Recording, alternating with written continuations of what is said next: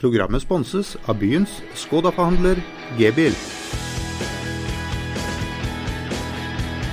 Hei og velkommen til fotballradioen, episode noen og 30. Vi har ikke helt tellinga, Jesper? Vi har ikke det, men i dag har vi fått en virkelig hedersgjest på besøk. I dag har vi fått eh, besøk av en av de jeg har krangla mest med siden jeg ble født. Jeg er nå blitt 29 år, og bortsett fra mamma og pappa, så er vel denne mannen inne på en finfin fin tredjeplass.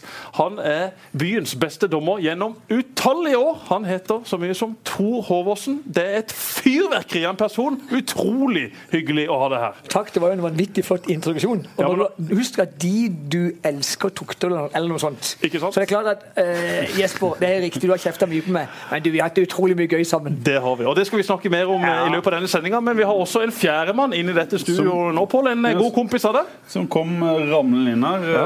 Helt, eh, som, det er jo ikke planlagt. Han heter Frank Mersland. Han er min eh, kollega. Hvorfor det, hva gjør du da, Frank? Jeg så Tor her og der. Kunne Tor, kunne Frank, sa Frank. Så langt ned var vi kommet. Hey. Ja, dere kjenner hverandre godt, dere to. Ja, er du gal? Altså, først Frank, Frank og meg begynte jo nesten, jeg tror vi er 78, Frank. Hvor jeg mener vi slåss om, om trøya til Kai Osdal. Skal jo ikke si hvem som vant, da, men det kan jo kanskje du fortelle? Ja, igjen. Jeg må jo si igjen, så tar du feil. Som du har gjort på, på banen altfor mange ganger. Jeg slåss ikke med det. Jeg slåss med de søster. Bente, ja. Med Bente. Og det var ikke drakta til Kai Osdal, det var i 78. Og det var, var T-skjorte til Karsten Johannessen. For da sto spillerne og kasta skjortene ut over folk som hadde samlet seg veldig garderobebygget. Og det kom ei gul og, altså Han var ikke gul og svart, men var gul og blå Adidas-skjorte. Og den lukta rett og slett ikke godt. Den hadde han ikke vaska det året. Og der sto vi og reiv og sleit i denne, med og Bente. Hun hadde tresko. Jeg tror hun sparka meg på leggen for å prøve å få meg til å slippe. fornuftig. Så kommer det noen voksne og sier hei, hei, slutt nå. Jeg var gutt og hun var jente. Hun er eldre med da, det er greit. Og så tok vi rett og slett og splitta skjorta i to, så jeg fikk forparten og hun fikk bakparten. Og denne gikk jeg da i garderoben og fikk Kai Osdal og co. til å signere etterpå. Den ble aldri vaska. Til min mors store fortvilelse så hang den på gutterommet i mange år etterpå. Fantastisk historie. Det er jo et spørsmål jeg gjerne skulle svart ja på, men vi har jo flytta, og jeg har jo blitt eh, Jeg har ei kone som etter hvert har plukka vekk ting som ikke har fått med meg igjen diverse flyttinger, så nei. Jeg trodde faktisk var du jeg sloss med drakta. for Jeg fikk Ja. drakta til Ja. Kai Osdal i 1980. Men det, det er mitt, eh, eh, nesten mitt første minne eh, med det, og siden så har det jo bare blitt verre. Ja, det har det. Selv om du var en veldig god dommer, Tor, for at du hadde en god dialog med oss. Jeg husker Frank. jeg må si det, jeg husker Frank. Frank når man ser han nå, så skulle man ikke tro det, men Frank var faktisk en veldig frykta spiss. Skårte bøttevis med mål. Og var utrolig sånn Litt lik eh, en annen person her i Han studio. sitter- han sitter bare og nikker. Ja. Og, Men var- eh, du tar ikke feil igjen nå? at det er Nei, han var tenker Nei, det er mer han tenkte på denne gangen. Nei, det var Frank. Jeg takker. Jeg gruer og skriver igjen, men du skal få pengene etterpå, Ja, Det var nok skryt av hverandre. Nå må vi eh, starte det virkelige programmet. her. Ja, ja. Det må vi. Men veldig hyggelig, Frank. Godt levert. Alltid takk. Det har jo skjedd, skjedd ting siden vi var på lufta sist. Vi må snakke litt om det, og om fotball. Vi må ikke bare snakke om dømming og, og Tor eh, Håvåsen. Eh, Jerv eh, Sandefjord er vel store høydepunktet som fra Sørlandsfotballen siste uka. En eh, meget eh, spennende kamp som jeg sjøl så på Værnes eh, flyplass i Trondheim. Jeg skulle opp og eh, dekke Bodø-Glimt Brann. Vi fløy fra Kjevik. Fikk beskjed i avgangshallen om at der må gjerne ta flyet, for vi skulle melde hverandre i Trondheim. Gjerne ta flyet nå som skal til Trondheim, men sannsynligvis så vil det måtte returnere pga. tjukk tåke rett over Værnes. Men jeg måtte selvfølgelig ta sjansen, så jeg satte meg nå på dette flyet. da, og Vi fløy opp mot Værnes og prøvde å lande én gang. Var 15 meter over bakken, så ingenting. Så var det bare rett opp igjen i lufta og tok en runde, og da var sikten blitt litt bedre. Så kapteinen prøvde igjen. Da fikk vi landa. Og jeg var happy, for nå kommer jeg til å rekke kampen i Bodø. Kommer ned på Værnes, løper til gaten. og Flyet som skal skulle til Bodø, var selvfølgelig innstilt, for akkurat det flyet hadde ikke klart å lande. Så da ble jeg sittende på Værnes fra klokka 13.00 til klokka 19.00, da endelig et fly til Kristiansand gikk tilbake. Så jeg fikk sett Sandefjord, Jerv Sandefjord da, i en sånn en lenestol helt for meg sjøl på Værnes. Jeg fikk en matkupong på 150 kroner og bestilte meg en burger for det. Så det, det, altså jeg kom meg gjennom dagen. Det var jo ikke den verste dagen med tanke på all den fotballen. Først så, så United som gikk på en grisestygg smell mot eh, Watford. Og så var det da Jerv Sandefjord som endte 2-2. Etter at eh, begge lag eh, hadde hatt initiativ i forskjellige deler av kampen. Du har jo vært ganske klar på at du tror Jerv rykker opp. Hva sier magefølelsen nå? etter... Jeg tror fortsatt at Jerv rykker opp. Jeg tror fortsatt Jerv kommer foran Sandefjord. Jeg blir imponert over hvor gode Jerv er når de er på sitt beste. Jeg syns de har et høyere toppnivå og flere spillere i god form enn det Sandefjord har for øyeblikket. Og så har de jo en ekstremt viktig kamp nå borte mot Hødd. Sandefjord har Fredrikstad hjemme på mandag. Så det er klart at disse to kampene blir jo nye nøkkelkamper. Det blir nøkkelkamper utover høsten for begge disse lagene. Kristiansund tok en sterk borteseier. og ser jo nå ut til å ha avgjort hvem som kommer til å bli det ene av disse lagene som går opp. Og så tror jeg og håper jeg fortsatt at Arne Sandstø og co. klarer å komme seg foran et grått og kjedelig Sandefjord-lag. Men vi må ikke slakte Sandefjord helt, for Sandefjord sine spillere hører faktisk på denne podkasten. Inne på Fysirommet så surrer fotballradioen av gårde. Ekstremt mye flinke og fine folk der borte i Sandefjord. Eh, men, mente, men litt, eh, mener du det når du sier at du håper Jerv eh, går opp? Altså, eller er det litt sånn eh, Altså, Jeg har så mange gode venner i Jerv. Jeg håper jo egentlig ikke at Grimstad får et tippeligalag. Jeg gjør ikke det. Jeg håper ikke at Aust-Agder får et tippeligalag, men jeg har så mange venner der. Jeg har en uh, Nils Petter Andersen, som er sammen med min søster, eh, han spiller der. Eh, Alexander Lind, som vi forresten også må snakke litt om. Han eh, nekter å komme hit? Nekter å komme hit. Han er invitert her flere ganger, Tor. Og den siste gangen vi spurte han, det var sist uke. Jeg spør han da på SMS. Fotballradioen i morgen. Nei, er du gal? Altfor mange syke historier der ute. Er ikke i byen i morgen uansett. Så lykke til! Så skriver jeg bare 'skjerp deg'. Skal ha positive og gøye ting. Ikke vær redd for det. Når kan du? Eh, over i morgen? Ha-ha, nja. Vet ikke helt. Når er det på onsdag i så fall? Og så, så går det lang tid, så gidder han ikke svare, og jeg sender puremeldinger på puremelding. Ja ja, du Jesper, du Jesper, skal vi ikke bare se det an? Jeg er ikke en veldig radiovennlig fyr. Alexander Lind, altså. Ja, jeg svarte kjapt, da. Du svarte meg kjapt, og du var på plass med en gang. Men vi må bare ta ferdig Alexander Lind. med toppfotballens verste sveis for øyeblikket. Ser ut som en litt bleik utgave av Justin Bieber. Han sitter da De kjører en gjeng fra Kristiansand til treningene i Grimstad. Der sitter bl.a. Alexander Lind og nevnte Nils Petter Andersen. Og de hører på fotballradioen. De hører på fotballradioen på vei til og fra trening. Men Alexander Lind vil ikke være gjest her! Nei, Det må dere få den opp i bilen. Ja, Alexander melding direkte inn i ja, bilen. Melding direkte inn i bilen. Få noe skikk på denne her Alexander Lind som spiser joikakaker hver eneste dag. Han er jo, han er jo samiske aner og er ekstremt glad i joikakaker. Glad i å sove lenge om dagen. Spiser joikakaker, går på trening, leverer. God er han. Hva sa du? Han er god. Ekstremt god.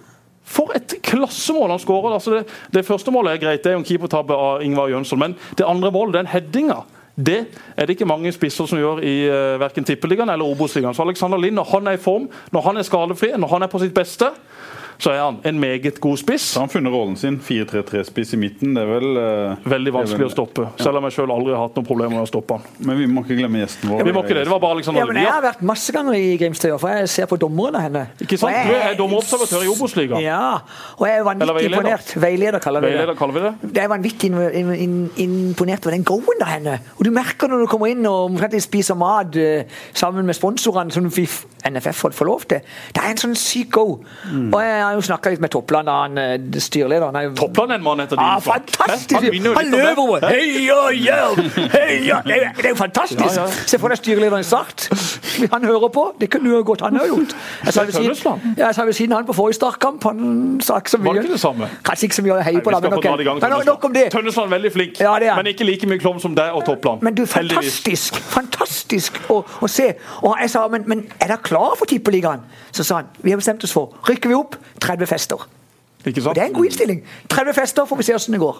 Ja, og Det er jo helt rett. Det er jo sånn som når Mjøndalen rykker opp. Altså, ok, Ta hver kamp som en fest. Ja. Det er ikke sikkert Jerv er klar for å rykke opp, men jeg snakker med Arne Sandstø og sier ja, men hvis vi gjør det, ja, så, så tar vi det på hælen. Så må vi gjøre det beste ut av det. Og, ja. det.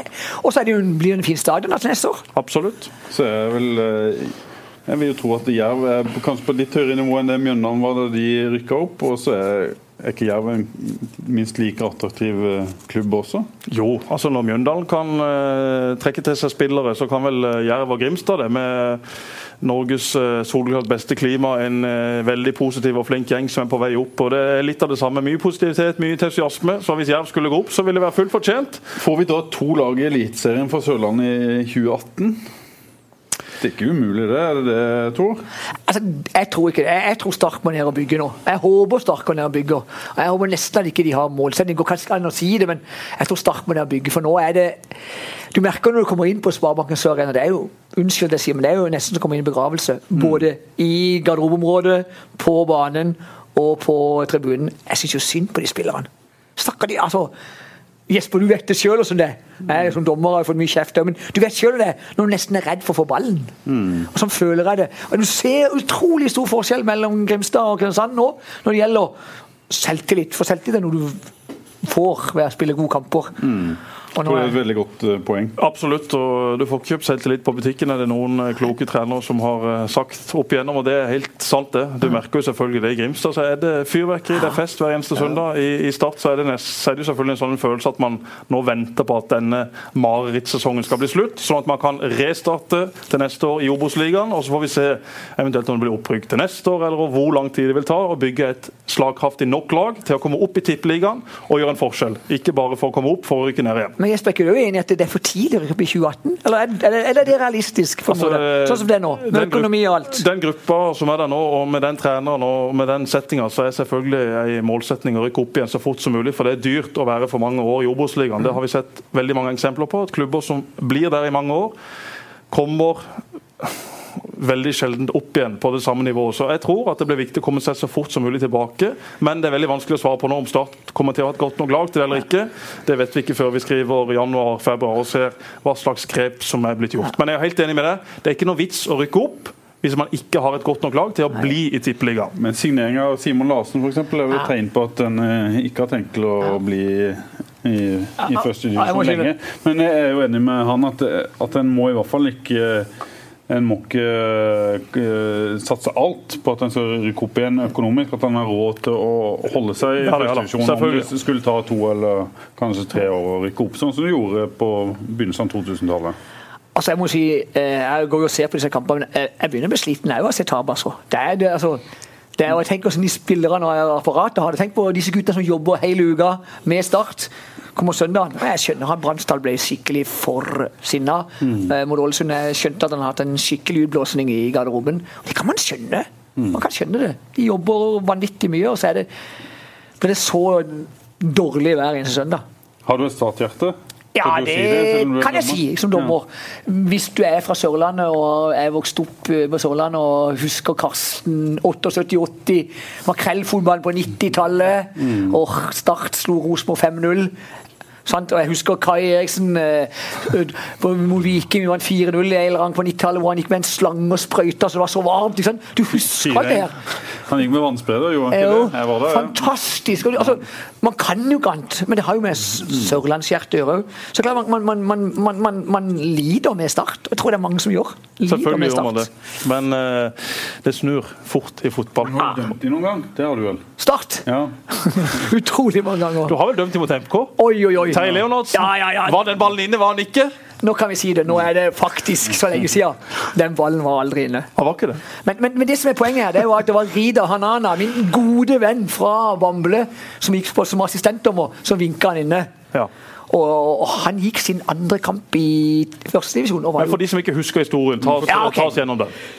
Start MK, vi er i august i 2001. Det var en av de ti mest besøkte kampene på Kristiansand stadions historie. Det var rundt 12 000 tilskuere, og lille Tor Håvard som skulle dømme. Kjente litt i maven, litt mer enn vanlig. Ja, men Du er jo som Rolling Stones. Du er jo best foran et stort publikum. Ja, jeg, kanskje, takk, takk Jesper. Jeg følte det ikke akkurat sånn da. Men jeg husker Roy Helge Olsen, toppdommer, sto med Gallum og sa Carpe diem, sa han. Kom an, ha det, ha det gøy! Og vi hadde det kjempegøy. Og det endte jo med at det ble 3-2 til start. Skårte Terje Leonardsen skårte helt på slutten på en ball som ble vinka inne fra assistentdommeren. Og i Mandal altså Jeg kan fortelle, jeg spiste frokost i Oslo nå på søndag. Jeg hadde faktisk løpt halvmaraton i helga. Bare så har jeg sagt det. Skryt, skryt! Ti, det var ti. Ja, det, det var rett over to timer. Det er ikke noe å skryte av. Ja, men det er fint. Men hør nå, jeg satt ved frokosten der. Så satt der en gjeng på bordet ved siden av. Så satt det en og så på meg. Jeg, jeg hadde ikke peiling. Den ballen var aldri inne! Det, altså, er 15 år etterpå. Han var fra Mandal. Den ballen var aldri inne. Så det, og jeg, sånn som Sa du med et smil. han sa det med et smil, og vi hadde en veldig fin samtale. Men klart, det var Ja, det er, ikke, det er ikke ofte dommerne får så mye eh, PR. Jeg kan, hvis jeg skal fortelle en historie videre, så var jeg faktisk altså, Det er jo Murphys lov. Noe går galt, går alt galt. Min neste kamp, det var en juniorkamp. Og hvor tror du den var henne? Tre dager etterpå. Idrettsparken. I Mandal idrettsparken. Og jeg husker de ringte fra Kressen og sa du Tor, skal vi ta det an? Ikke pokker, sa jeg. Jeg skal til Mandal. Og når jeg kom inn i Mandal idrettsparken, så trente selvfølgelig A-laget. Og vet du hva? Det var som å Det ble helt stille. Det ble helt stille. Musestille på. Så ropte Inge Nilsen «Øh, Håvardsen! Han spilte da minstopper. Håvardsen! Vi trenger en måldommer, kan du komme her? Og så var det gjort. Ikke sant. Ikke sant? Ikke sant. Måte var sånn det ble. Og en ting til med det. Det som ikke folk visste, det var at Odd Arild Skånoft, kaptein på MK Terje Leonardsen, som skårte dette omdiskuterte målet, vi var liksom små treningskompiser. Så vi hadde avtalt å løpe den kampen ut av beina på mandag i Baneheia. Så dagen etterpå, klokka fire, stilte jeg i banen og løp og prata med MK-kapteinen og Terje Leonardsen, som skårte det omdiskuterte målet. Og hadde det kjempekos sammen. Så det er, det er jo der det er. Men det er sagt, det er jo så når assistenter må markere for at ballen er inne, så har ikke du så mye valg. Det er, jo ikke det er jo ikke du som tar avgjørelsen, egentlig. Men hvem fikk kjeften? Ja, selvfølgelig Torten. Det er alltid dommer. Men du vet du hva? Det var ganske vanskelig, for vi hadde dømt det målet. Og jeg, nå skal jeg være ærlig, nå er jeg 15 år etterpå. Ja. Jeg så med en gang når jeg så bildene, at den ballen nok ikke var inne. Nei.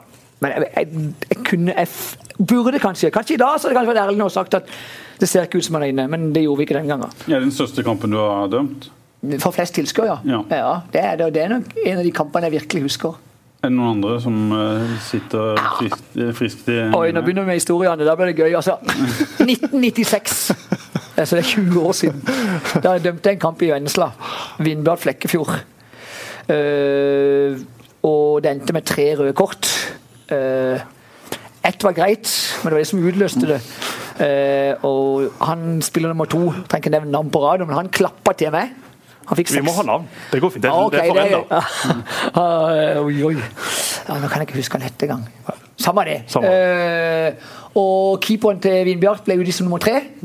Og han gikk forbi Flekkefjords tilskuere, og de begynte å rope han, og han løp der og begynte å slåss med dem. Politiet måtte hente ham på tribunen. Ja, men det er altså Som dommer, du ser det. Han fikk ni måneders karantene. Da sier det var Feven hadde mye å skrive om uka etterpå. Og dette hadde jo Vindbjart skjønt, for når du blåser av sånn en kamp så vet du at nå, nå starter det. Det, er altså, det, det. det er jo ingen som skal fortelle deg god det har vært. i hvert fall. Og Det hadde jo også Vennesla-folket skjønt. Vindberg-folket. Så de sendte ut to store gutter. Svein Holte og Tor Ivar Ruud kom løpende. Og Svein Holte sto foran meg. Han var vakt og han. Håvorsen, Håvardsen, sa han. Jeg har mest lyst til å slå deg ned, men jeg har fått beskjed om å passe på det. Og når det er vaktene, da sliter du. Men det slutter jo ikke der. Fem år etterpå fem år etterpå, så var jeg i Vennesla. Nå går jeg varm i historien. Ja, det var- det var. Eh, Fem år etterpå så var jeg i Vennesla med Jeg trente dattera mi, Dons jenter 16-lag, og vi spilte mot Vindbjart. Og det ble litt ampers på banen. Så roper jeg til dommeren Du, dommer, nå tror jeg du skal snørre til litt. Så hører jeg fra linja Hold kjeft, Håvorsen! Hele Vennesla vet at du er en jævel! Men du, det slutter ikke der. Nei, det tviler jeg ikke på. For to år siden, altså 18 år etterpå 18 år etterpå så var jeg assistentdommer i Vennesla, for nå er jeg så gammel og får ikke lov å dømme lenger. Og der når vi var opp, så hadde han gammel mann. Jeg ser han for meg når han satt sånn og så på meg. Håvardsen! Lever du ennå? Så sa jeg ja. 18 år etterpå. Hadde du ønska jeg var død? Husk, du er i Vennesla. Så det er klart at du blir huska for det. Og for å bare komplementere det, for siste historie med det, så dømte min sønn Jon, han dømmer fotball, Vindbjørn Jerv Et nå. stort fotball... Ja, vi må snakke om han etterpå. Okay. Han eh, dømte Vindbjørn Jerv andre runde i cupen. Og, og, og midt i andre gang så dømte han et eller annet foran der som de var uenige i. Så var det en som reiste seg og sa 'Nå er du like dårlig som din far!' og da trekker du liksom dette litt ned på så, så det er jo de kampene du blir huska for. Ja. Ikke for de 1842 andre. Har du tall på hvor mange kamper du har dømt? rundt 2000. Ja. Ja, sirkus. 2000. Jeg har dømt i 36 år. Hvor mye penger- ganske mye penger har du tjent på Oi! Totalt? Mm. det. har jeg ikke tenkt på, men eh, ja En million. Ja. Ja. Lukrativt å være dommer, Jesper. Altså, Nei, han har holdt på så lenge at uh, jeg skal si det selv, at det, det å dømme virker gøy. Det virker veldig Det er eh, spennende. Istedenfor altså, for Snakk om for egen del, hvis etter hvert får knær som eh, fungerer som tålelig altså, istedenfor, Oi, isteden- det kom på radioen! Ja, men, Yes! ja, men hør dette. Altså, Istedenfor å så ta seg en kjedelig joggetur på terrengkarusellen eller i skauen, som for så vidt er hyggelig så lenge du har godt selskap så Det å dømme kamper, får du noen kroner, så får du være med i spillet, får du være på banen, får du holde en kommunikasjon. Det er klart, Jeg skjønner godt at Tor har syntes det har vært gøy å dømme i så mange år. For det er god trening. Og det er kjempegod trening. Altså, en dommer sprenger mellom, eh, i Tippeligaen mellom 12 og 13 km per kamp. Jeg måler jo av og til, og jeg ligger i overkant av en mil. Ja. Og klart at dette, Og det er mer enn mye spillere. dette som Jesper sier nå, er det vi prøver å selge inn til, til, til folket. At det er gøy å dømme fotball. Vi snakker om de ganger vi får kjeft, men som jeg sier, de 1842 andre gangene, så har det som regel gått greit. Ja, men om du får kjeft, Du må jo ha den tilnærminga du har til det, Tor. Du må jo ta det med et smil, du må Ja. ta det med et godt humør. For Hvis du takler det på den måten, ja, så klarer du det. Men hvis du skal være tungsinna, hvis du skal ta alt dette innover deg, så er du sjanseløs. Ja, det- Sånn er det blitt. Men Har du noen gang hatt det sånn at, at du ikke har fått sove, over at det har gått flere dager før du har fått ting ut av systemet? og Ikke flere dager, men det er klart at eh, innimellom så Det verste når du har gjort en avgjørende feil sjøl. Altså, du må jo bare glemme det. Altså, dømmer en kamp, viktig kamp. Jeg var en gang på Åmo, så det er en viktig kamp helt på slutten av sesongen. Åmo sprint Jeløy. Jeg ser for meg enda. Eh, bommer totalt, og sprint Jailer skulle ha et straffespark. Jeg får feil vinkel. Jeg skjønner på alle at dette er straffespark, men det er been there gone. Det bare forsvant. Så dømte jeg straffe til det andre laget Åmot i slutten. Og dette ble avgjørende for hvem som rykka opp og ned. Klart at Du ligger ikke våken om natta, men du reiser hjem og tenker ah, Kom an, Tor. Mm. Og Det tror jeg alle dommere gjør. Men det er jo kult at du tenker sånn. da. Det er vel noen som, som prøver å finne unnskyldninger for at de gjorde feil, istedenfor å innrømme at de gjorde det. Men, men, men det tror jeg har med tryggheten du har inni det. Altså, når jeg var veldig ung som dommer, så var det mye verre å si at jeg gjorde feil. Nå har jeg dømt altså, så lenge og blitt såpass voksen at jeg, nå er jeg mye tryggere inni meg. Så jeg tror det man, når man opplever at dommeren ikke innrømmer feil, så har det mye mer med at du ikke er trygg inni det. Men Kan du bruke det som et virkemiddel nå for å komme ut av litt vanskelige Ja, ja, situasjoner? ja. ja, ja, ja. Innom og sier jeg kan godt høre du hadde rett. Og, og den gangen Ja, da kan du ikke si noe mer. Nei. Hvis en dommer kommer inn til deg i garderoben og sier vet du hva, Jesper, eh, jeg tok nok feil, men fra min vinkel så så det sånn ut, jeg Mm. Fikk ikke med meg, jeg beklager. Vi det ses til uka. Og da, hva skal du, da kan ikke, da kan ikke fortsette å, å skjelle da, men det som skaper frustrasjon og sinne, er jo hvis du møter en dommer som bare lukker dommergarderoben, og som spiller Mm. arrogant, og som nekter å si noe, som nekter å innrømme at det var feil. Spilleren gjør feil hele tida, dommer gjør feil hele tida. Det er fotballen. Men det eneste dommeren må gjøre for å gjøre denne avstanden mellom spiller og dommer litt mindre, er jo ha humør, innrømme at man gjør feil. Ja, men altså, da kan man, da kan man ikke Hva skal man da klage etter? Men jeg holder en del kurs, og det er dette vi jobber med. Dette jobber vi med bevisst med de, med de nye dommerne. At tør å innrømme at du har feil. Selvfølgelig Du kan ikke stå der og dømme straff og si at ja, ok, det må mulig være feil. Det er ikke det jeg sier, men du skjønner jeg vil henne. Man tør å være litt ydmyk når man kan. Og så må man være tøff når man må. Det Men jobber vi Fortell litt om jobben du gjør med å rekruttere dommere. I tillegg til at du gjør det, så har du også eh, masse kunnskap om fysisk trening for dommere. Jeg traff bl.a. Tor Håvardsen her for et par år siden. Jeg ble, nesten, altså, jeg ble nesten redd. Jeg har aldri i mitt liv truffet så mange dommere komme galopperende i Egersberg. Det var 20-30 stykk, leda av ingen ringer enn Tor Håvardsen. Altså, vi, vi jobber veldig bevisst med dette. Både regelkunnskap og fysisk form. Og jeg er noe sånt som fint som coach for trenerne. Altså, det er noe som kretsen har tatt ut. Så jeg er på kurs en gang i året med i NFFs regi. På Jessheim som regel. Og, og blir på en måte coacha av ganske dyktige folk. Og vi har fast trening en gang i uka for dommerne. Og så har jeg også en talentgruppe, disse unge nye som er på vei opp, som jeg trener sammen med. Kjempefin trening for meg. Jeg får betalt for det. Man kan sikkert si høyt, men jeg får betalt for det. Og, og, og dette er fordi at den fysiske biten blir bare mer og mer avgjørende for hvor god til å dømme. Det var en TV 2-ekspert fra Kristiansand som sa en gang at det er bedre å stå i ro og dømme riktig enn å løpe og dømme feil. Kjenner du han, Jesper? Jeg vet ikke hva det er Det var veldig bra sagt. Akkurat, akkurat. Men samtidig, hvis du står i ro Om, omskrevet Kai Risholt. Ja, det er Kai sitt Ja. eh, sitat. Er det det, ja? ja, det er bedre å stå riktig enn å løpe feil. Ja. Det ble brukt under treninga med Tom Nordli Ja. gjennom et par år. Men, men, men, men, men, men, men hvis du står i ro, så, så gjør du garantert flere feil. Vi kaller det dømme risiko. Så vi jobber mye med den fysiske biten. I tillegg så har vi noe som heter pluss 30, hvor det er spillere som har slutta å spille, trenere og ledere, som vi inviterer inn vil da bli dommere. Ett kveldskurs. Det er altså det er en autostrade inn i dommerverdenen. Og så eh, hiver vi de ut. Jeg hadde nettopp kurs nå i slutten av august. Ni stykker. De er jo dømmer nå. Og det er grunnen til at det er såpass greit med dommer på Agder nå. Vi har 30-40 stykker av disse her. Terje Haugland Det er jo noen som lurer på hvorfor en dommer betalte. Det er jo selvfølgelig, selvfølgelig eh, kommer an på nivået en dømmer på. Dømmer du en seniorkamp, så får du 750 kroner. Det er skattefritt. Samme hvilken divisjon. Ja.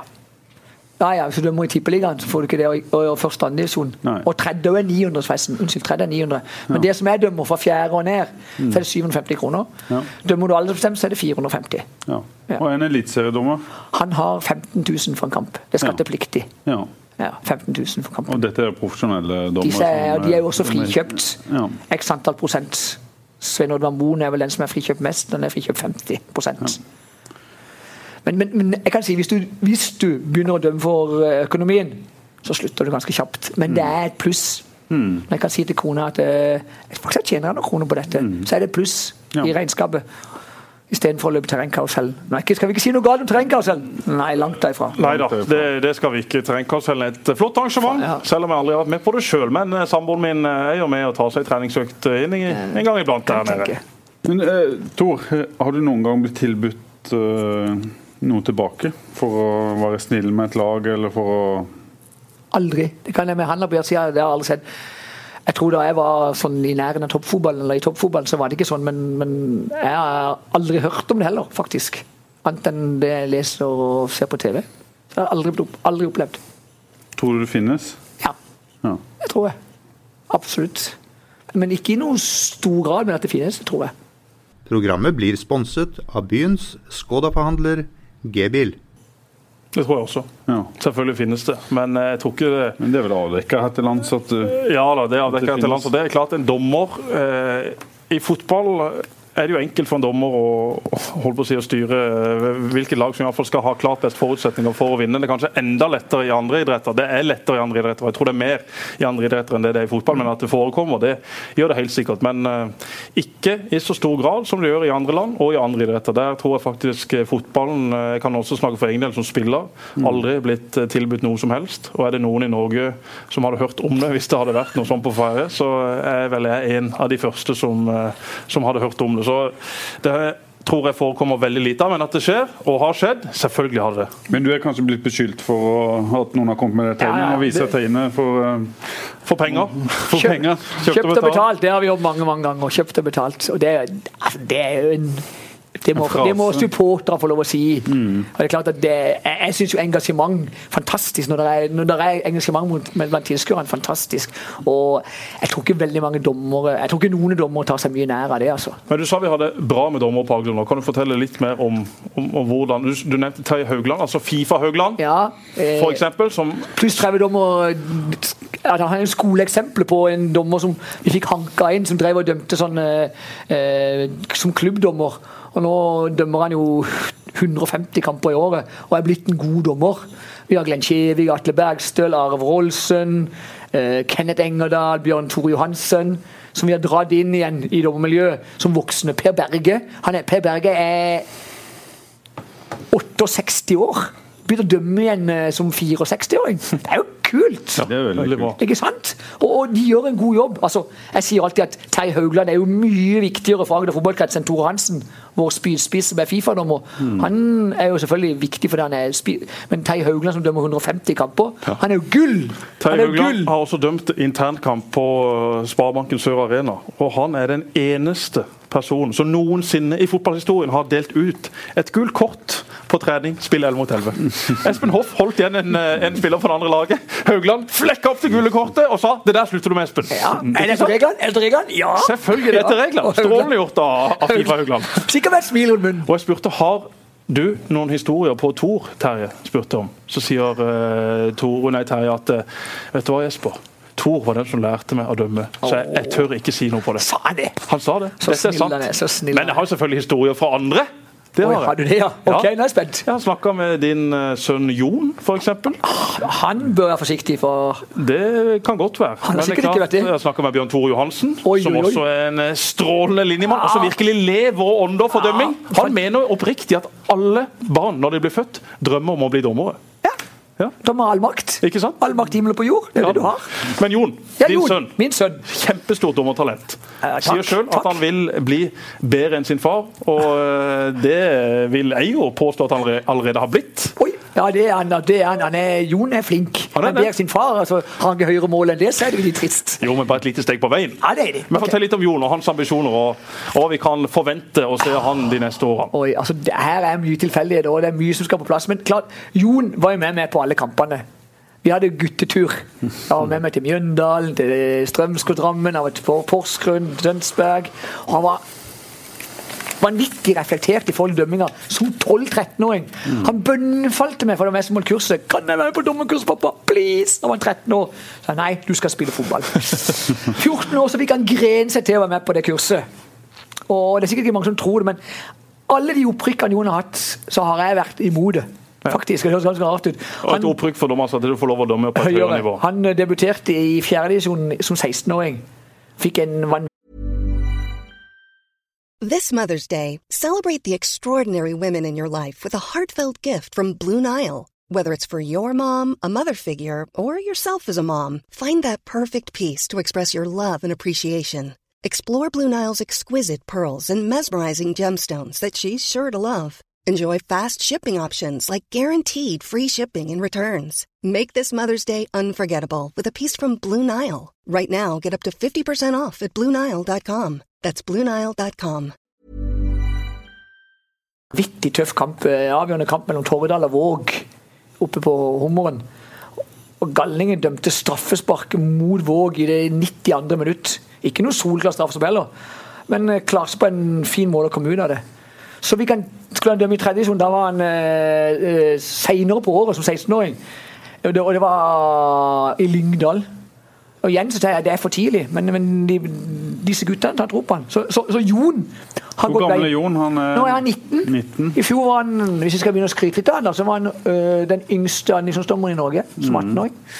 Han øh, håper jo, og jeg tror jo han blir med i den 25-gruppa av de nye andisdomstommerne. For nå ble jo liksom halvert. Så, men Jon er, så, som jeg sier Jon, det viktigste Jon, det er at du har det gøy. Det er faktisk det viktigste, og det er etter alt så må det stå pluss på slutten. Er like gøy. Alle kamper er ikke like gøye, men, men, men, men Jon Jon er han kan, kan nå veldig langt som dommer. Ingen tvil om det. Han kan det. Men øh, det er mye tilfeldig, da. Så sier Bjørn Tore at du håper Jon skal få et kall. Et kall! Ja. Oi. Altså, Jon er jo eh, sterkt religiøs. Ja, Og du har sagt, da, sikkert i et festlig lag med Bjørn Tore, som dere har veldig mange av, at uh, Bjørn Tore sier at ja, Tor håper jo at uh, Jon skal få et kall om å dømme. At dette skal være hans måte å misjonere på. Ja, for det har jeg sagt til han. Ja, Jon, har sagt til han. Jon, er sikker på at Jesus vil bruke det for olmannen. Ikke sant? For, for, ja, og det, er- ja, det tror jeg så. Og det, treffer Jon. Det er klart det treffer Jon. Uh, og det med hans uh, kristen tilnærming, det er jo en flott tilnærming, det. Altså, det, det er jo hans personlige sak. Men, men han må kunne gjøre flere ting enn å bare være kristen. Det er jo det jeg har sagt til han. Men, men, men Jon kan bli veldig god. Og, og Jon har vært veldig reflektert. Han har Helt siden han var med meg i bilen og vi satt og diskuterte kamper hjemme. Og jeg husker en gang jeg hadde dømt i Tønsberg. Og da var Jon 13 år. Tenk han var 13 år. Så sa han hjemme i bilen Du, pappa Så ble jeg så stille. Du, pappa. Ja. Jeg syns du var dårligere i andre omgang enn du var i første omgang. OK. Ja vel, hvorfor syns du det? Fordi du skjønner det, pappa. At du dømte frispark for ting i andre omgang som du ikke dømte for i første omgang. Så sa jeg til Jon OK, ja, det tror jeg du har rett i, sa jeg til han. Og så ble vi fortsatt en fin diskusjon. Så sa ja, men, så sa jeg, Jon, hvorfor tror du jeg gjorde det, da? For det var en mening jeg skulle gjøre det. Å, var det det? OK, sa han. Så satt han lenge og tenkte. Var det fordi at kampen ble tøffere? Det er jo sånn dommertenking. Kampen tøffere. Du legger ned frisparklista litt for å holde kontrollen. Og da var han 13 år. Så jeg tenkte å, her er det et eller annet. For Da snakker vi om dømming også hjemme Ja. den dag i dag. og Det sies også at mor i huset hun blir lei av dette til tider og går og setter seg i et annet rom. Ja, ja. Hun sier av og til må da snakke under middagen òg. For det er klart det, det blir mye dømming og historie og sånt. Og, og Jon òg har jo Han har jo vært litt i trøbbel i år i et par episoder. Så klart vi har diskutert mye. Ja, For han, Men, hadde eh, en, det var han som var i, Tønsberg. i Tønsberg. Ja. Ta kjapt gjennom det. Ja, altså i Tønsberg det, Jeg var faktisk med han. Det er faktisk den eneste langturen vi har hatt sammen i år. Hvor han eh, ga gult kort til spiller ett nummer to, tror jeg det var, på Tønsberg rett før pause. Og det ble mye bråk rundt den, og han noterte fire på kortet sitt. Og rett Mot etter, Fram Larvik? ja, mot Fram Larvik. Stemmer. Eh, Etter pause så ga han spiller nummer to nytt gult kort. Og selvfølgelig kom eh, Fram Larvik framlagsspiller nummer to. Tønsberg-spilleren kom og sa han har gult kort fra før. Og han så på kortet, nei, der sto nummer fire. Og han tar spilleren til seg og sa nå må du være ærlig, har du gult kort fra før? Og spilleren sier nei. Det har han ikke. Og så lar han få lov å spille videre, og det blir selvfølgelig protest og omkamp. Dømte han omkampen? Nei, Han, han tok ikke en to Håvardsen. Nei, det, det hadde han ikke fått lov til. Men, men det ble mye bruduljer, det som jeg tror eh, Det er jo en altså, Så det dette kommer han til å vokse på. Ja, det er det Nå sa du det. Man skal gjennom sånne ting. Ja, Både som spiller, gjennom både som spiller og som dommer. Ja, man, Man, eh, man, det er man, vel man, fort sånn at en, en tenker at det er en kjempestor sak i denne verden, og så blåser det vel relativt fort over. Ja. ja, Ja, man det må bli herda både som eh, Ja. spiller og som dommer. Men han sier også noe med historien. En gang du stjal en bil på Notodden. Ja, den er, han var jo med meg overalt, og vi var på Notodden. Og på Notodden der er det flott å komme. Masse folk, fint stadion. Men Notodden er ikke flott. Nei, ikke noe som by, nei, nei, nei, men nei, stadion er fint. det er jo- Fasilitetene på Notodden er bra. Og så er det kos å komme dit. De er veldig hyggelige. Og så midt på banen Oi, han fortalte en så, Ja, det Nå må jeg si at jeg, jeg gjør ikke sånn hver gang, jeg må få si det da. Men midt på banen så står det jo en bil, sånn en sponsorbil. Så sa jeg til min assistent om at hvis det er nøkkelen i den, så kjører jeg. Så han dumme meg, tøff som tøff i trynet. Så jogger vi ut, så står selvfølgelig nøklene i. Ja, hopp inn, sa guttene. Og vi hoppa inn, vet du. Og jeg starta bilen og kjørte. Og da kom jo vaktene løpende! Og jeg tenkte OK, så rygga han tilbake til midten igjen. Og da kom vaktene litt lurt på det her, hva for noe? Så jeg ah, god å kjøre, sa jeg. Så gikk jeg bare ut. Det her er ikke noe jeg gjør hver gang. Men det, Men på Briskeby, da, der har du vært på eh, toalettet med et par supportere. Ja, oi, nå, er jeg, nå er jeg tilbake på 90-tallet. Uh, oi, har fortalt den òg? Jeg har mye å snakke med Jon om ettermiddag. HamKam mot Bryne. Første gang Jeg husker bare at det var vanvittig mye ståk om et straffe, ikke straffe. Og jeg kom inn i garderoben. Det her er gamle Briskeby, før han ble blod. Er dette på nest øverste nivå i Ja, dette er førstedivisjon. Ja. HamKam Bryne. Uh, jeg må på do. Og der er ikke do i garderoben. Så jeg var, gå på vasken eller gå ut. Så jeg tenkte ok, jeg går ut og gjør mitt fornødne. Så sto jeg der da og tissa for å si det rett ut. Med én supporter i det ene øret og én supporter i det andre øret. De skjelte meg ut. Men så står jeg der og føler ikke så veldig lur, kan du si. Men eh, ja, jeg overlevde det òg. Jeg prøvde å forsvare meg, mens jeg sto der og ja. Men Det går også en vandrehistorie. Vi vet ikke om han er sann, men Roy Manuelsen, vår eh, kjære mediesjef i Start, eh, han spiste lunsj med i stad, og han fortalte at en gang da du dømte Start på linja, så mener noen at idet du løp mot eh, midtbanen, så jubla du med flagget ditt. Det er feil. Den, den skal jeg ikke ha på meg. Jeg har hørt rykter, men det var en, faktisk en assistent om Bryne som gjorde. Var det det? Ja, det, okay. det er sikkert den historien som har havnet til Tor Håvardsen. Akkurat, akkurat.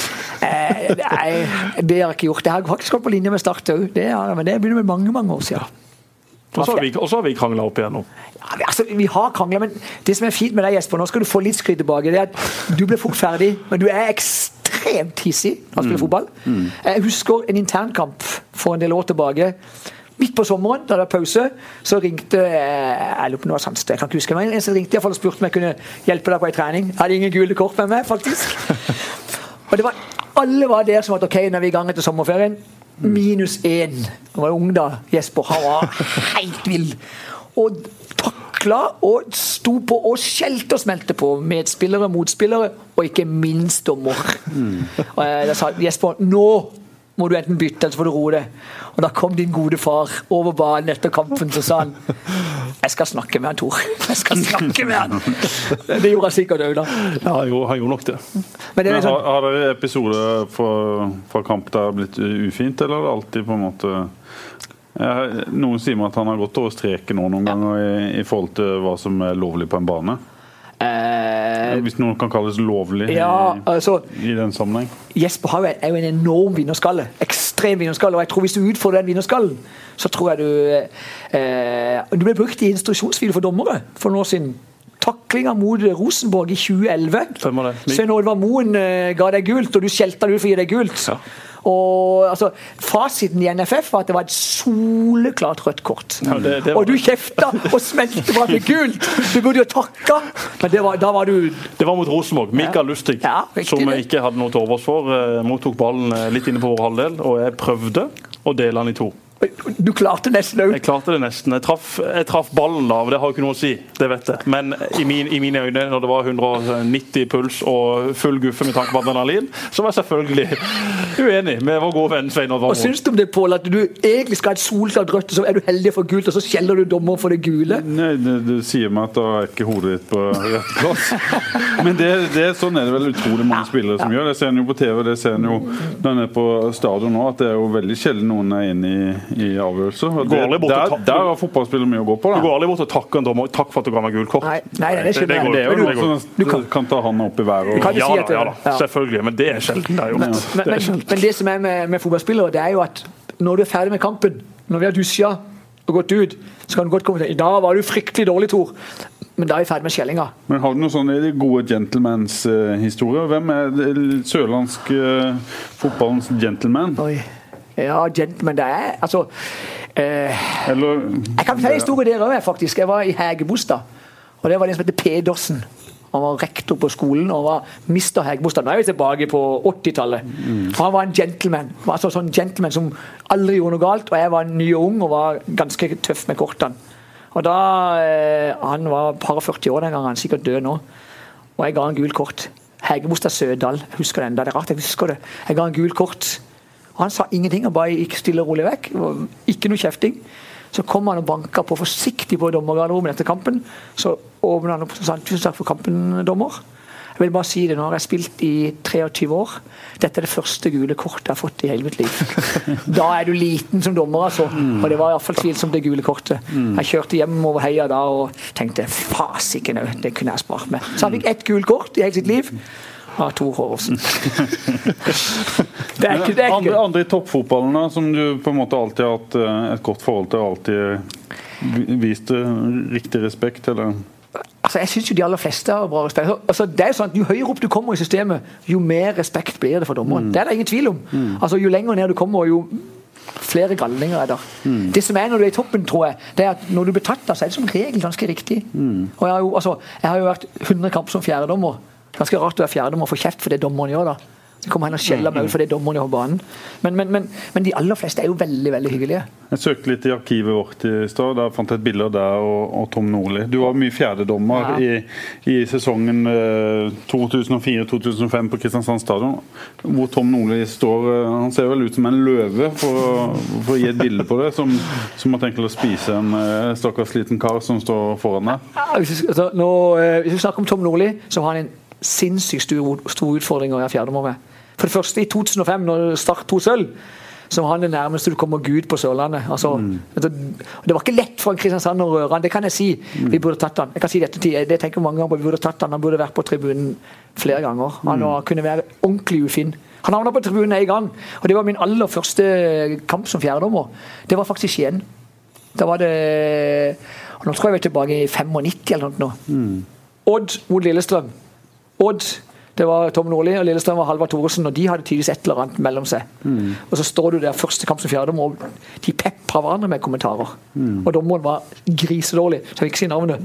Det endte med at Tom Nordli løp ut på banen og skulle ta dommeren. Og lille Håvardsen etter. Jeg tenkte siden da, ut på banen. Jeg rakk imellom før at dommeren sto foran Tom Nordli og holdt ut hendene. Og sa 'her kan ikke du være'. Og det, det er faktisk et ganske stort bilde i VG. Ja, det står sånn. Så sier han 'å nei, det kan jeg ikke', sier han. Og så må han gå på tribunen. Mm. Og da hadde vi faktisk politieskorte fra Odd stadion. Men det var mitt første møte som fjerdedommer.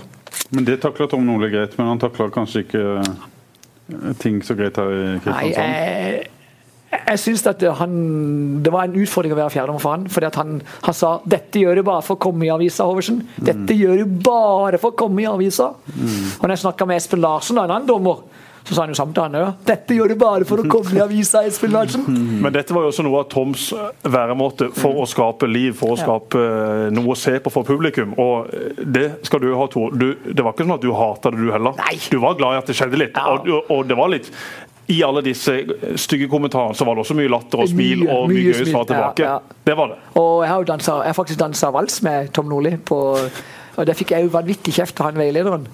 For han var jo igjen ute og kjefta, og jeg tenkte øh, henne snakker til han, så sa han nei, nå tar vi en vals. Så tok han tak i meg. Så vals!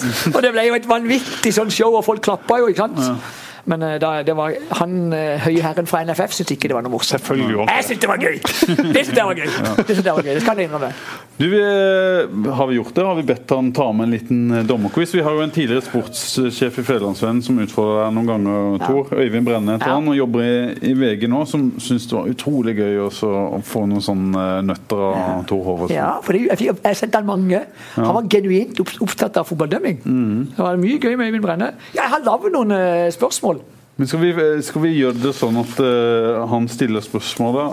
Skal jeg du gjette, eller skal vi la le, eh, leserne, sier jeg? De som hører på, gjette? Hvordan skal vi gjøre dette? Jeg syns vi vi, vi skal teste oss. Ja. Vi og Pål skal teste Ja. oss. Og så får vi heller se om vi kan få inn en ukentlig spalte med Tors lille quiz. Ja. Det kan vi få til. Ja. Vi, er, vi er nå på Sparebanken Arena. Start mot FK Haugesund. Ja. Er dere klar? Ja. Etter dropp Det blir dropp. ja. Skytes ballen direkte fra Espen Hoff i FKH sitt mål. Altså dropper. Bare smukker han rett i mål bak eh, FK Haugesund sin keeper. Hva gjør du som dommer? Etter en dropp. Ja. Dette Det har, det er, det er ikke gjort noe galt. Ballen er droppa ned.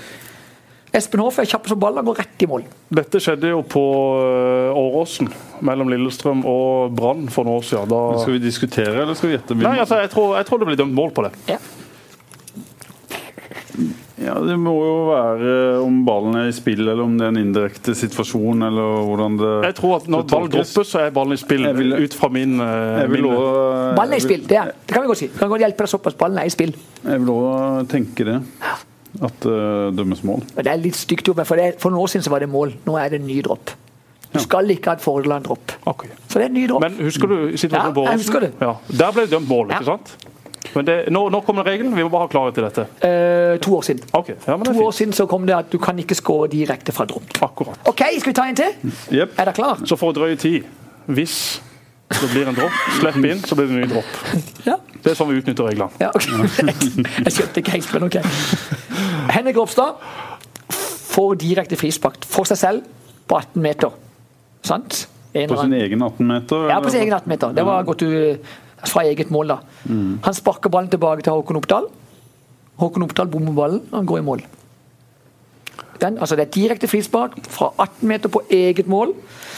Han spiller ballen tilbake til Håkon, og Håkon bommer ballen. Og Det ballen går. blir, det blir corner. Det blir corner. Ja, det visste jeg. ok. Ja. Ja, okay. Det, det var bra. Det var bra. OK. Lars Jørgen Salvesen står i offside idet Erlend Segberg skyter. Keeper redder. Ballen går i retur ut til Lars Jørgen, som putter ballen i mål. Så ballen kommer fra motspiller, da, fra keeper. Altså Lars Jørgen står i offside. Da I skulle til gå. Segberg gå. Ja. Han drar fordel offside-posisjonen. Derav. Ja. Offside. Nei, det ble for lett for deg, det her, gutter. Ja, men dette- Men den er vel eh, den Den er ganske det, åpenbar, det er jo jobben vår å kunne disse tingene. tingene. da, ok, ok, ok, ok. Ok, Skal vi prøve en Jeg har da? alltid sagt at det er lett å dømme to. Men du, Vi er, hadde, vi hadde feil på den første, du må ikke glemme det. Ja, men Det er fordi at det er en regel som kom for to år siden på en Ja. dropp. altså klart, det, Vi hadde egentlig rett, Ja. men vi ja. ja. Håkon Oppdal tar 5,5 meter spark, og skal de ligge under? Nei, det, vi sier ikke det. De sier det er uavgjort. Ja. For jeg greier med de nå. Ja, Ja, de, de, de, for han skal få ballen Kom igjen, da, gi oss den gleden. Ok, han, men, hvis den, Leder 3-0. Ok, de leder 5-0. da. Ja. Start leder 5-0.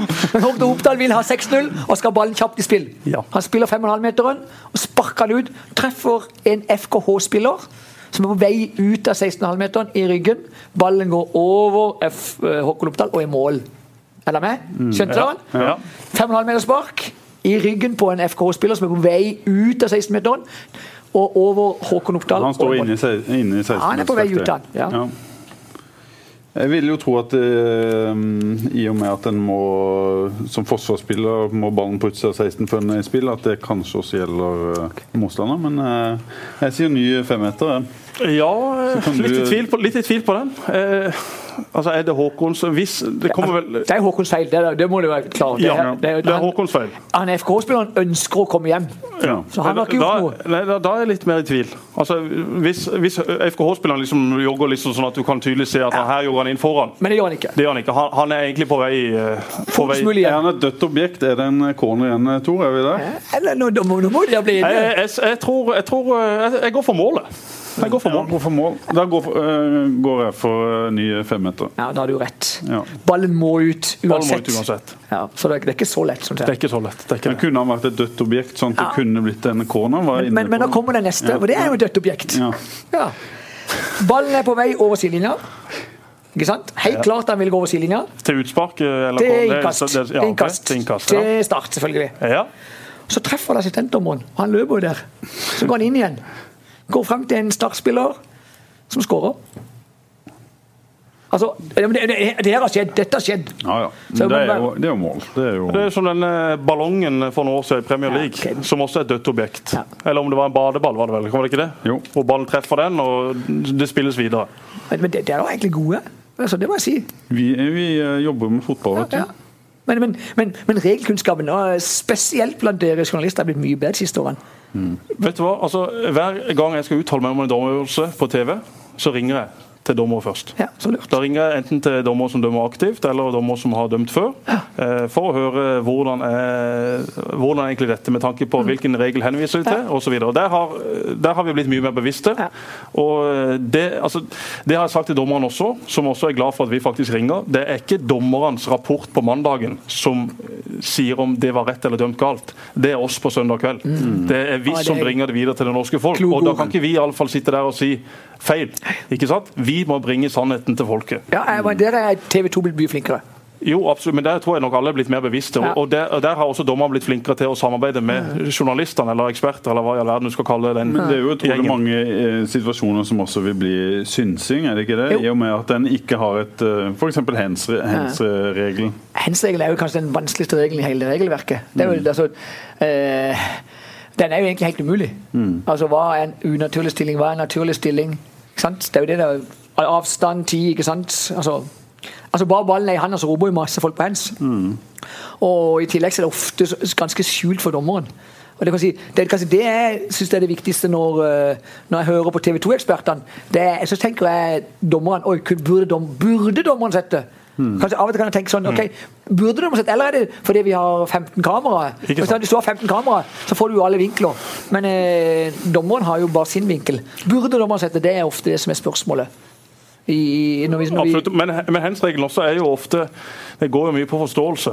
ikke sant? Og det er klart at eh, Der er det jo en fordel å være en rutinert dommer eller å ha vært en tidligere spiller. Derfor syns jeg det fokuset med å prøve å dra inn Sånn som Tore Hansen, da, som har hatt en spillerkarriere, som har all den forståelsen gratis, som da i tillegg lærer seg det å dømme, som får en kometkarriere innenfor, innenfor Dommer-Norge. Det er jo det man burde vært mer bevisste på, syns jeg. Hvorfor ikke du begynt å dømme? Ja, Men jeg har ikke knær til å dømme. Jeg har sagt til eh. Jesper at han kunne fått en, en kometkarriere. Selvfølgelig hadde det vært en av Norges når beste man dommere. begynner for å få en kometkarriere, Altså- begynner det å bli for Ja, sent for han? i nærheten. Men det er klart at Jesper har så mye fotballforståelse og har så mye lederegenskaper at mye vil komme. Men Jesper er i ferd med å bli for gammel. For det er jo sånn en ungdomslinje både i Agder fotballkrets og, og i NFF som ikke var i mitt. Vi skulle jo herdes på alle nivåer. Men når begynte du å dømme? Jeg begynte å dømme da jeg var eh, 19. Ja. Og debuterte i andredivisjon da jeg var 30. Det var altså, nesten normalt den tida. sant? Men Hvor, hvor fort kan man gå da fra, hvis en begynner å dømme i femte-sjette divisjon, som kanskje er et greit nivå kommet seg opp på i løpet av kort tid? Hvor Ja, lang så- tid kan man bruke på hvis jeg begynner å dømme først i første, hvor fort er jeg i tippeligaen? Du? Eller, eller Nei, teoretisk. Hvor fort er jeg?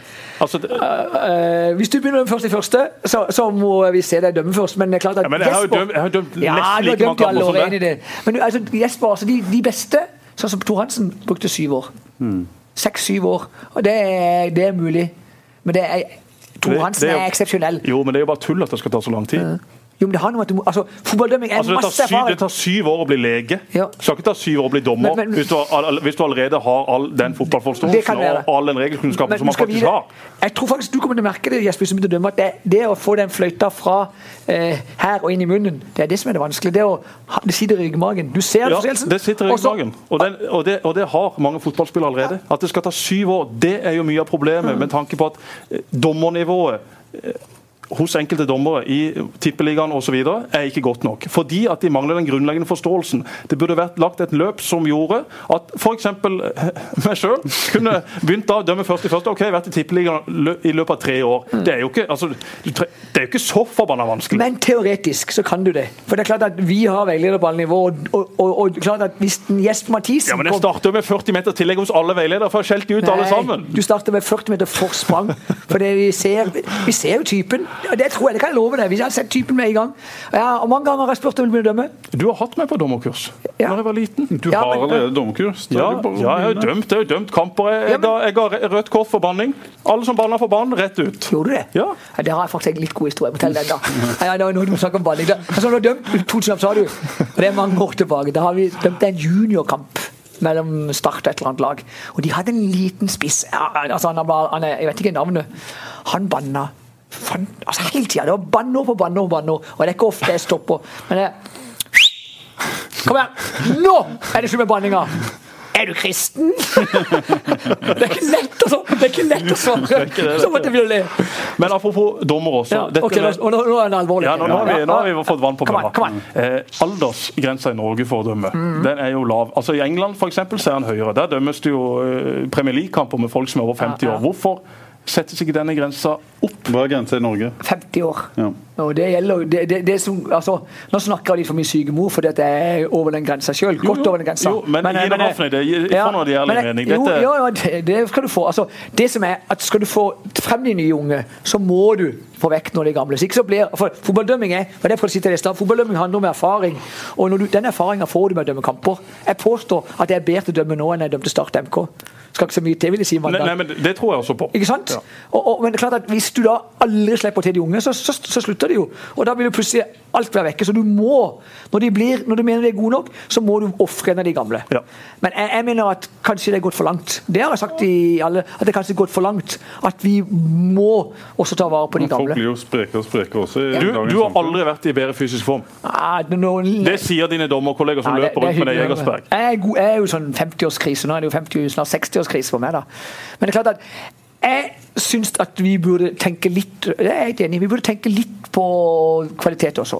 Mm. Og det, det er det vært litt lite vilje til i, i Fotball-Norge.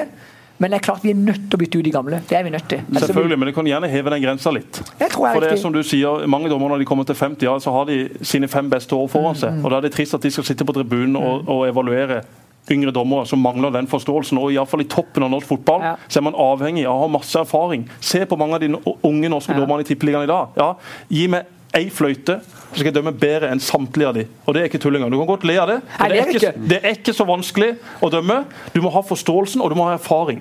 Og den har dommerne. De kommer litt opp i år, når de har fått 2000 kamper, ja, da har du jo skjønt det, da. Men- men da har du også respekten fra spillerne. Og du vet hvordan du skal takle de forskjellige spillerne, for du begynner å kjenne dem. Ja, det, det har du helt rett i. Men jeg, jeg, jeg tror du gjør det litt enklere å dømme enn det der. Det tror jeg. Og jeg tror hvis vi nå får det er til å begynne å dømme. Nå har han sagt det, Pål. Han skal begynne å dømme. Så skal, vi, så skal jeg gå veilederen. Så skal vi kanskje se om det er så enkelt som du sier. Det er sånn tabloid, litt sånn tabloid nå, Jesper. Og det skal du få lov å være. Hvis jeg skal dømme, så skal du være veileder. Ja, så skal vi kjøre rundt for Avtalen tar vi hverandre i handa på det. Det er greit. Godt. Det er greit. Vi må uh, runde av. Det, er- en ting jeg lurte på. Du fortalte, uh, bare for å runde av, uh, om et fysisk, fysisk angrep oppe i, oppe i Vennesla. Har du opplevd det flere ganger? Jeg har tredd én gang. Ja. Jeg har dømt altså nå i seks år. Og det var Jeg mener det var i 1989. Så, og det var, jeg dømte Bravo Våg. Og det var syv gule og fire røde. Og etter den kampen så Jeg husker jeg sa Stig Stening var kaptein på Våg. Jeg, jeg har sagt til Stig mange ganger etterpå at jeg sa til han når jeg blåser nå, så må ikke dere gå. altså Jeg kan ikke stå alene, for da hadde jeg ikke assistent eller noe. Men når jeg blåser, så stakk jo de. De var jo akkurat like redde som meg. Så jeg sto der alene, og da kom der Må du si litt hva Bravo Bravo var jo et innvandrerlag. Skal vi være forsiktige med å si for mye, men de var et innvandrerlag som hadde, de hadde rykte på seg. Det var, det var vilt, altså. Det var helt vilt. Og da hadde jeg 300 av de sine supportere rundt meg. Jeg kan enda se for meg hvor jeg sto på Karus. Jeg kan se jeg sto på garasjen der. Jeg tenkte, nå, nå, nå tar de meg. Nå får jeg juling. Nå får jeg rundbank. Da kom Hallgeir Oftedal fra Fevennen. Han var i Fevennen tida. Hallgeir Oftedal kom inn. Den tida hadde de jo kamera på, på, på brystet.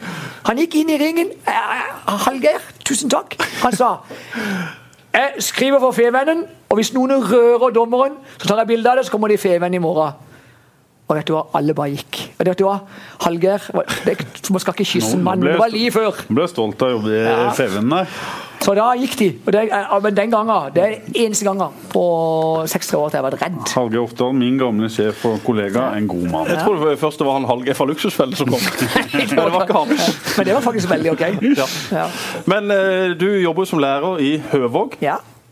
Eh, men du har jo også vært eh, butikksjef på Prix rett med Gimlevang. ja, det er riktig. Og du tok lærerutdannelsen i altså nesten voksen alder. Ja, det var, jeg vil si jeg er voksen. ja, og Hvor gammel var du? Jeg var 38 år da jeg begynte. Og Det viser jo at Tor, det er drive i Å, fyren. takk skal du ha, det var hyggelig. Hvordan var det å være butikksjef? Ja, det var veldig gøy.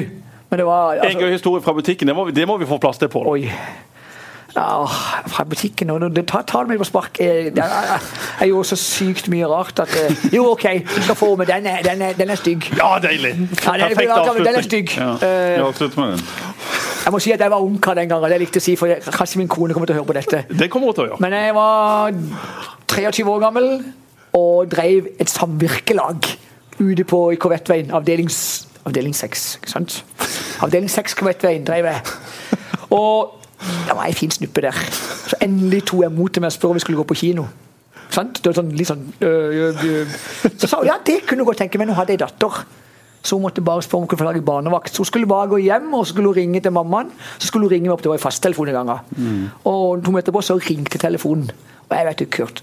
Avdeling for sex og andre tjenester. Du snakker med Tor, hva kan jeg hjelpe deg med? Så ble det helt stille. Så var det Øystein Lund, administrerende direktør i Forbrukersamvirket, som ringte meg. Å, kjære venne. Ja, du, det er Øystein Lund. Hallo?